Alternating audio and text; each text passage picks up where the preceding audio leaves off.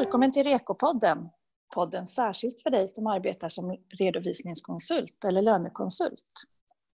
Idag ska vi prata om hållbarhet, ett ämne som ökar i relevans för varje dag som går. Finns det egentligen något företag som inte tar frågan på allvar idag? Men många företag behöver hjälp med att driva sitt hållbarhetsarbete. Och här kan du som redovisningskonsult spela en viktig roll.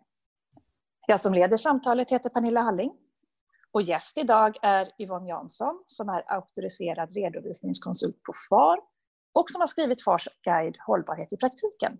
Välkommen Yvonne! Tack så mycket! Och som vanligt har jag med mig Camilla Karlsson som också är auktoriserad redovisningskonsult på FAR. Välkommen Camilla! Tack, tack! 2019 gjorde organisationen Företagarna en undersökning som bekräftar att det finns ett starkt engagemang och vilja bland de mindre företagen att arbeta aktivt med hållbarhet. Undersökningen konstaterar att rådgivning och vägledning är särskilt viktigt för mindre företag i deras hållbarhetsarbete. Yvonne, vad är det egentligen som gör just redovisningskonsulten så ovärderlig i hållbarhetsarbetet? Redovisningskonsulterna har ju stora möjligheter att hjälpa sina kunder eftersom de har en stor kunskap om företaget. De har ofta varit med länge, de har historien, de, de har framtidsplanerna, de har fungerat som bollplank till, till sina kunder eh, under oftast en lång tid. Eh, och den ekonomiska sidan av hållbarhetsarbetet har ju redovisningskonsulten redan en god kunskap om, så att det ena benet är, står man redan på. Så att det gäller bara att, eh, att ta ett, ett kliv till och, och, eh, och titta på hållbarhetsaspekterna. Mm. Ofta när man hör om hållbarhet i, i det offentliga samtalet och i media och så, så är det ju, är det ju stora företag man pratar om och, och hur de arbetar med hållbarhet. Ehm, kan du berätta lite om hur de mindre företagen arbetar med hållbarhet och påverkas av, av hållbarhetsarbetet? Ja, det stämmer. För de stora företagen, de har ju ofta, de flesta av de stora företagen ska man väl säga, har länge arbetat med, med hållbarhetsfrågor på, på olika sätt. Och sedan 2017 så har ju de största företagen dessutom ett krav enligt årsredovisningslagen på att hållbarhetsrapportera. Men i det här hållbarhetsarbetet som, som de stora företagen gör så ingår att ta ett ansvar inte bara för den egna verksamheten och den inre produktionen och verksamheten utan att även ta ansvar för det som eh, finns utanför företaget och som de externa parterna som, eh, som företaget använder och som ingår i företagets processer. Och där är till exempel underleverantörer ett bra exempel på hur just de här mindre företagen påverkas. Många gånger så finns, har ju eh, de större företagen stora leverantörsled eh, av stora och mindre företag. Och ett stort företag som bedriver en hållbar verksamhet behöver se över hela sin leverantörskedja. Eh, inte bara som sagt den egna verksamheten och ställa, kanske ställa krav på sina leverantörer eh, och följa upp att även de jobbar på ett hållbart sätt för att se helheten. Och det här innebär att de mindre företagen behöver se över sin egen verksamhet för att se om det finns några hållbarhetsrisker som kan påverka det här samarbetet. Och det kan till mm. exempel vara miljöaspekter eller hur man behandlar eh, mänskliga rättigheter eller framförallt för att förhindra korruption. Det är en viktig fråga i de här sammanhangen. Och, och det här blir ju då en, en viktig ekonomisk fråga för de små företagen, tänker jag, i och med att man kanske förlorar affärer om man inte uppfyller de här kraven.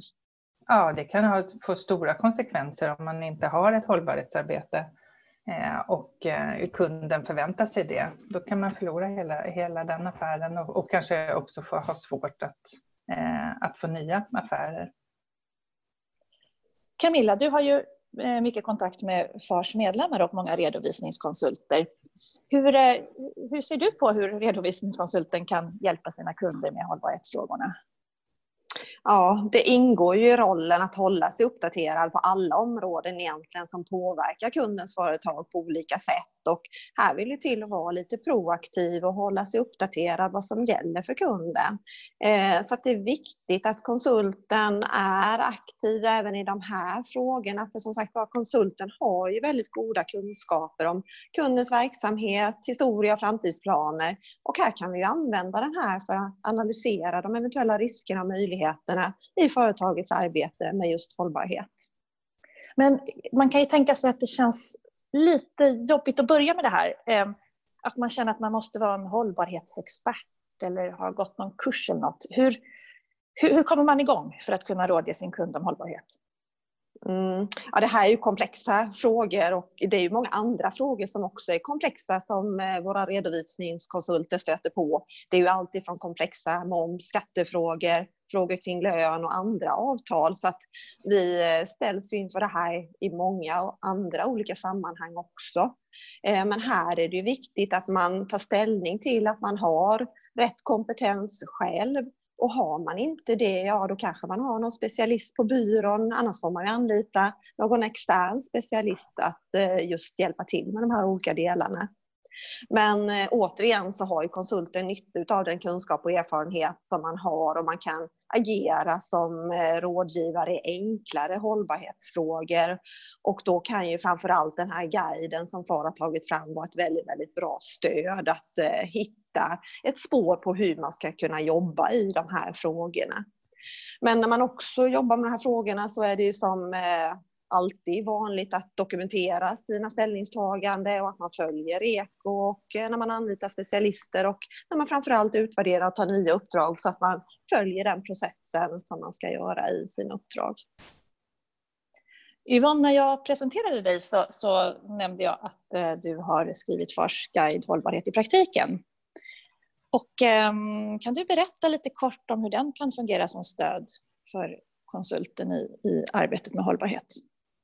Ja, eh, den här guiden tog vi fram just eh, för att vara ett stöd för redovisningskonsulterna för att vi eh, identifierade att många redovisningskonsulter fick frågor från sina kunder om hållbarhet. Där, kanske kunden i sin tur då hade fått frågor från, från sina kunder om just Eh, eh, för att de ingår i, i eh, ett större företags leverantörskedja om hur man jobbar med hållbarhet. Och, och ofta är ju redovisningskonsulten det naturliga bollplanket för kunden så att kunden vänder sig till redovisningskonsulten och frågar hur, hur man ska jobba med de här sakerna. Och då ville vi ge ett stöd till redovisningskonsulterna på hur man kan jobba om man vill jobba tillsammans med kunden med, med hållbarhet. Så att den innehåller en, en eh, översiktlig beskrivning, lite grann grunderna i hållbarhet, inte en kurs i hållbarhet, men den visar lite, den eh, informerar om vad hållbarhet är och i ett större perspektiv kanske och, och hur det påverkar stora och, och mindre företag.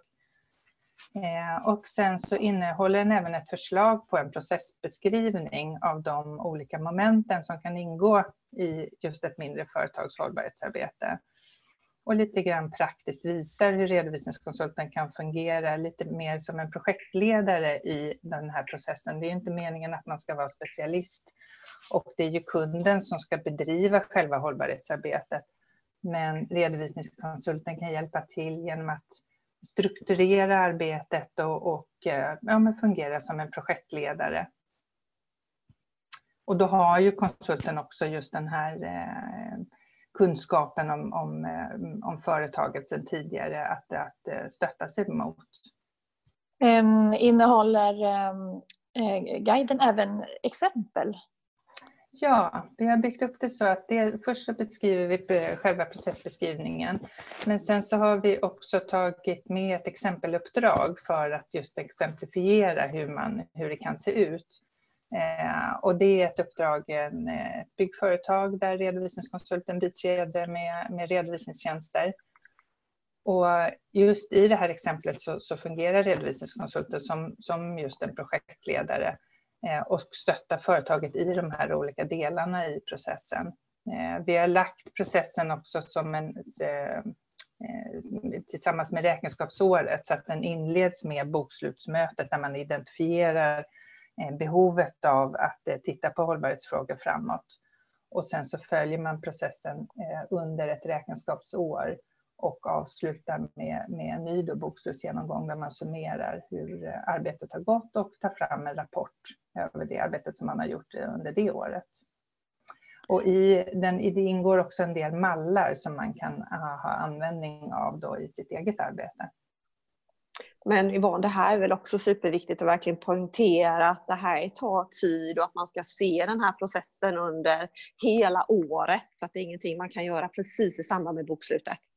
Nej, utan det, det är därför man, man måste börja eh, med, med, kanske målet då att efter ett år kunna göra en summering av vad man har gjort under det året. Men det är inte heller sagt att man, man är färdig, det är ju en pågående process hela tiden och, och som man, man måste se över och förutsättningarna ändras ju som nu i corona. Det finns ju många företag som har, hade en planer på hållbarhetsaktiviteter som man kanske skulle göra men som man har fått eh, backa på nu då för att man har blivit lidande ekonomiskt till exempel eller för att förutsättningarna har förändrats.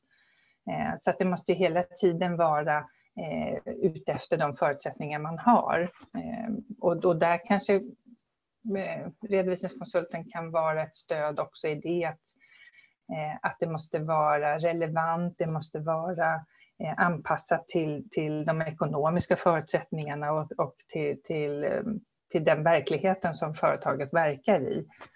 Så att man också tänker på att prioritera de hållbarhetsåtgärderna som man vill göra. Att man får göra det viktigaste först kanske och just att man måste jobba på lång sikt.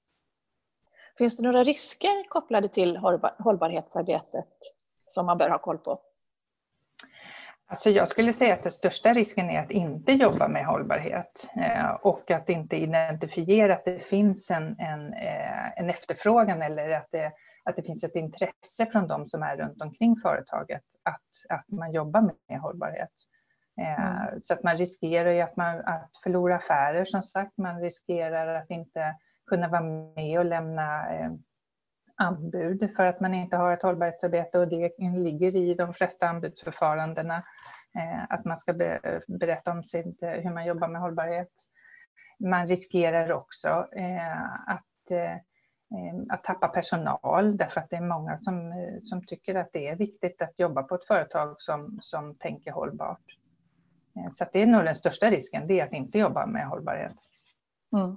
Jag ställde tidigare den retoriska frågan, finns det något företag som inte eh, tycker att hållbarhetsarbetet är viktigt? Eh, vad är, är, din bild Yvonne? Finns det företag som struntar i det här?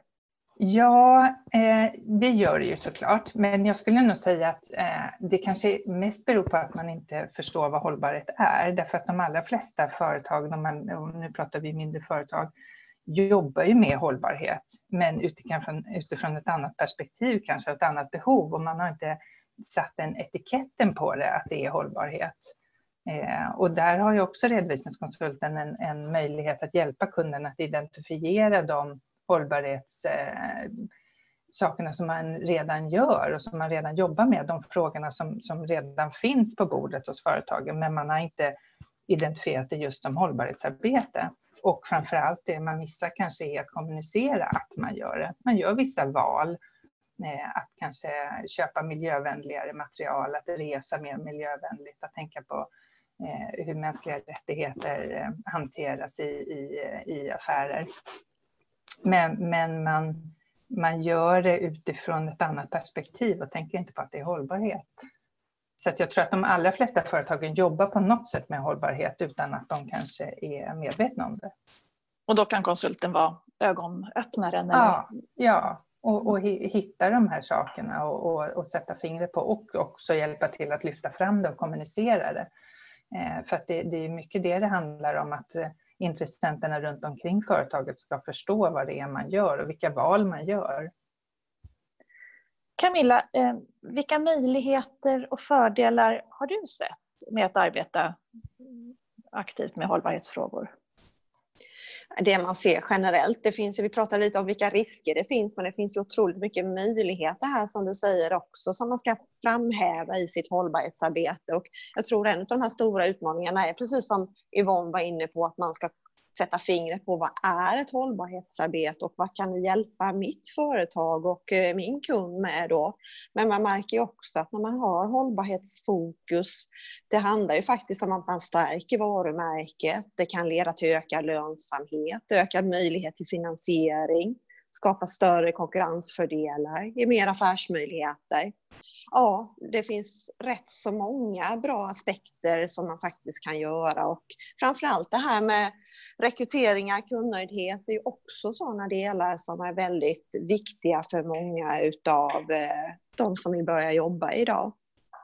Men man ska också veta att många av våra svenska företag har ju redan kommit långt med sitt hållbarhetsarbete. Det, det handlar väl om att sätta fingret på det och eh, att vi verkligen lyfter det här i många olika forum och sen självklart är det att få en efterfrågan av det också, att kunderna verkligen vill börja och satsa på att jobba med hållbarhetsfrågor. Men jag tror ju mer vi pratar och diskuterar det här så kommer det bara öka möjligheterna för både konsulterna och eh, deras kunder. Så det, det är spännande. Mm. Och precis som vi också pratade om inledningsvis, den här undersökningen som företagarna har gjort, den, den känns ju lovande att det finns mm. ett så stort intresse bland de mindre företagen. Ja, och det finns ju också eller vet du, undersökningar som visar att, eh, att eh, och när man har eh, årsredovisning och hållbarhetsredovisning separat på sina hemsidor så ja, man, mäter man nedladdningen och då är det ju betydligt oftare som man laddar ner hållbarhetsredovisningen än årsredovisningen till exempel och framförallt i samband med rekryteringar. Och det visar ju också på att det finns ett stort intresse för för de här frågorna. Om man vill, när, när man ska eh, börja på ett nytt arbete, så vill man veta hur eh, arbetsgivaren jobbar med de här frågorna. Det är ju jätteviktigt att, att, ehm, att företagen har koll på det. Så att, ja. För jag antar, för beroende på vilken bransch man är i så är det inte alltid helt lätt att rekrytera personal. Nej, nej och det kan ju vara avgörande då för att man får och att man får den personal som man vill ha. Ja. Men du Yvonne, eh, det används ju lite olika begrepp när man pratar om hållbarhet. Mm. Vilken skillnad är det egentligen på hållbarhetsrapport och hållbarhetsredovisning? Ja, när vi pratar om hållbarhetsrapport, då menar vi den lagstadgade rapporten. Och det är den som ska upprättas enligt eh, årsredovisningslagen. Eh, och den ska innehålla de hållbarhetsupplysningar som behövs för förståelsen av företagets utveckling och ställning och resultat. Och även konsekvenserna av verksamheten. Och då gäller det upplysningar eh, om, kring miljö, sociala förhållanden, personal, respekt för mänskliga rättigheter och motverkande av korruption. Men när vi pratar om hållbarhetsredovisning, då pratar vi om en frivillig information eh, om, om ett företags hållbarhetsarbete. Och den kan se väldigt olika ut.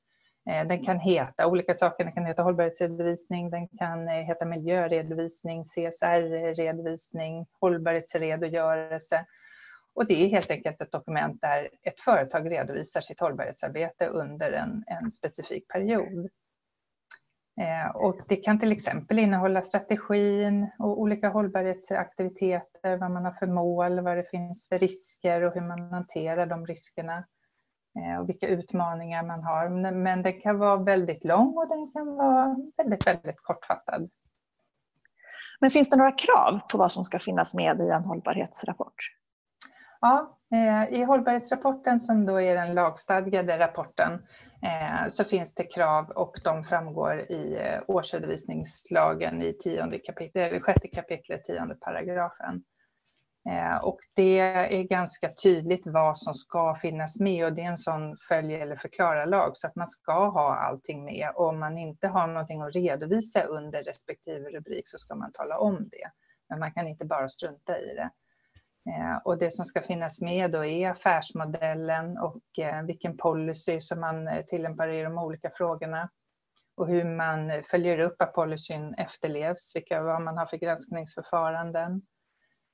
Och vad man har för resultat av policyn. Man måste göra en uppföljning så man ser att det händer saker också.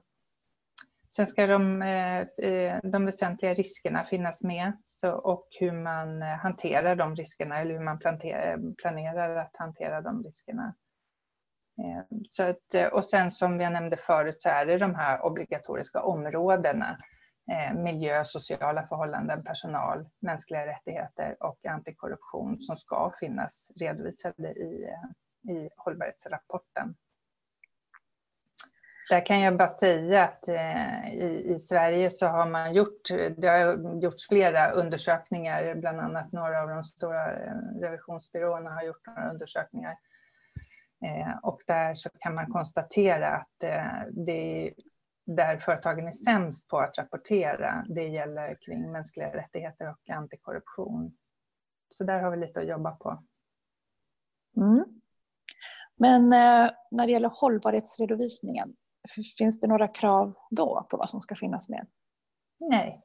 Eh, där, kan man, eh, där redovisar man det man vill redovisa helt enkelt. Så det finns inga eh, regler för vad en frivillig hållbarhetsredovisning ska innehålla. Eh, däremot så kan ju ett företag välja att tillämpa, det finns ju en del ramverk och standarder som man kan välja eh, att tillämpa och då om man gör det, till exempel finns det ett som heter GRI som är väldigt vanligt och om man gör det, då ska man följa Eh, den, den standarden. Men, men det, inget, det, behöver man inte göra och det är frivilligt. Det som kan vara viktigt att tänka på är ju att man funderar på vilka intressenter som finns runt om företaget. För man kan ha en ganska tydlig bild av vad man själv vill jobba med. Eh, men, men det är inte alltid den överensstämmer med de som fin, finns runt företaget, till exempel kunder eller de som använder företagets produkter. Eh, så att det är en, en viktig del, eh, kan jag tycka, oavsett hur, hur man eh, jobbar med hållbarhet, det är att ta reda på vilka intressenter som man har runt omkring sig och vad de intressenterna tycker är viktigt.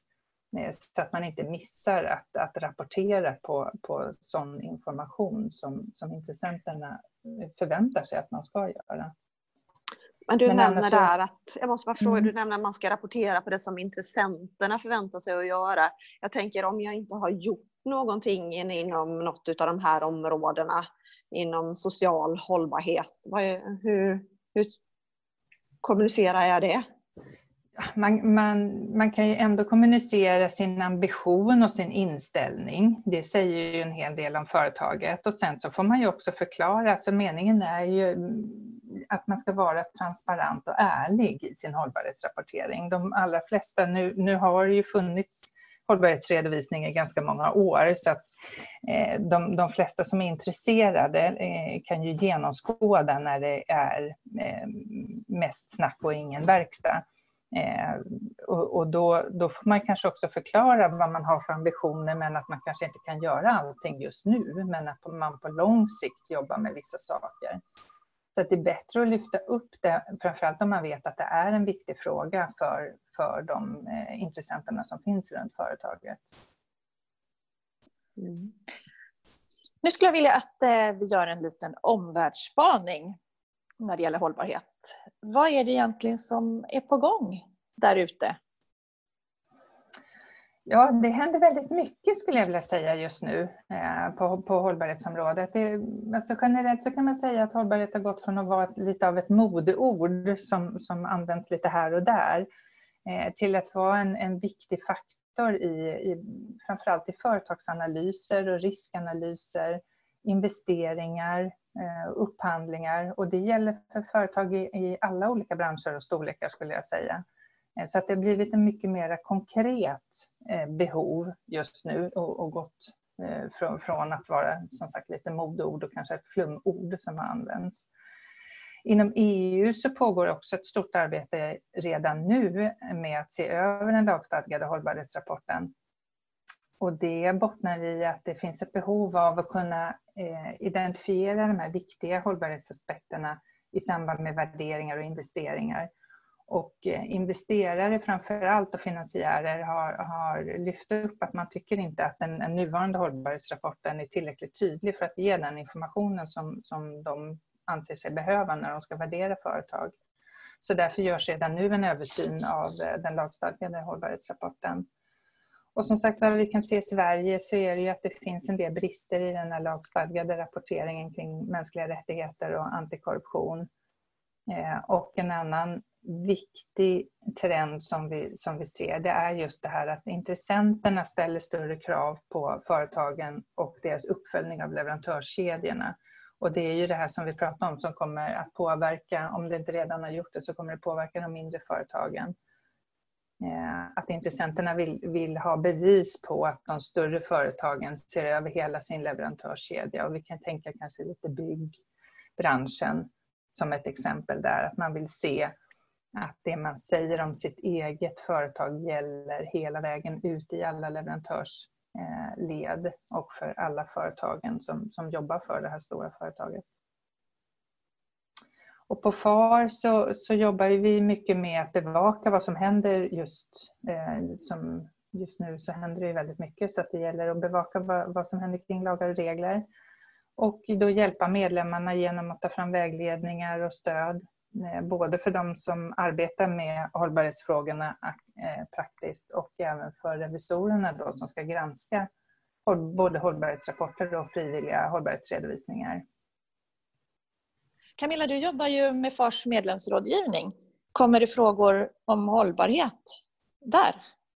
Ja, det är faktiskt också någonting vi har märkt den sista tiden att eh, vi får fler och fler frågor kring just eh, den här frivilliga hållbarhetsrapporteringen och eh, det är jättespännande att det verkligen finns en efterfrågan på att vilja hållbarhetsrapportera. Dels att våra medlemmar tar tag i det och att kunderna efterfrågar det. Så det är spännande. Mm. Och Yvonne, har du några sista ord att säga till alla som lyssnar? Ja, jag skulle vilja säga det att hållbar, hållbara företag det är en viktig fråga både för näringsliv och samhälle. Och där har ju vi i vår bransch en central roll. Man skulle kunna säga att alla våra tjänster bidrar till ett mer hållbart företagande eftersom vi på olika sätt arbetar med att kvalitetssäkra företagens finansiella rapporter och vilket stärker den ekonomiska hållbarheten i företagen. Och sen skulle jag vilja säga också att vill ni veta mer om hur vi i branschen jobbar med, med hållbarhet så kan vi rekommendera att ni tar del av FARs guide. Och eh, så finns det ju också övrigt material som vägledningar och FAQ-er eh, på FARs webb. Mm, och när du säger FARs guide så är det såklart eh, hållbarhet, FARs guide hållbarhet i praktiken du menar? Precis, det är den jag menar. Ja, och den kommer ju i en ny upplaga nu Ja, den kommer i, i dagarna. Och där har vi ja. gjort det, det nya är att vi har när vi skrev den första då var det inför att eh, lagkravet skulle implementeras. Eh, och nu har vi haft lagkravet ett par år och det har ju hänt väldigt mycket. Så att det är främst de första delarna som vi har uppdaterat med, med information kring, kring vad hållbarhet är och, eh, och hur det påverkar företagen. Den har helt enkelt blivit lite bättre, lite vassare. Lite mer uppdaterad, ja. Ja. Stort tack för att du eh, kom hit Yvonne och delade med dig av din kunskap. Tack för att jag fick komma. Och tack du också Camilla. Tack så mycket. Och tack alla ni som har lyssnat. Och jag hoppas att ni har blivit inspirerade att fortsätta arbeta med hållbarhetsfrågor. Tack så mycket. Hej!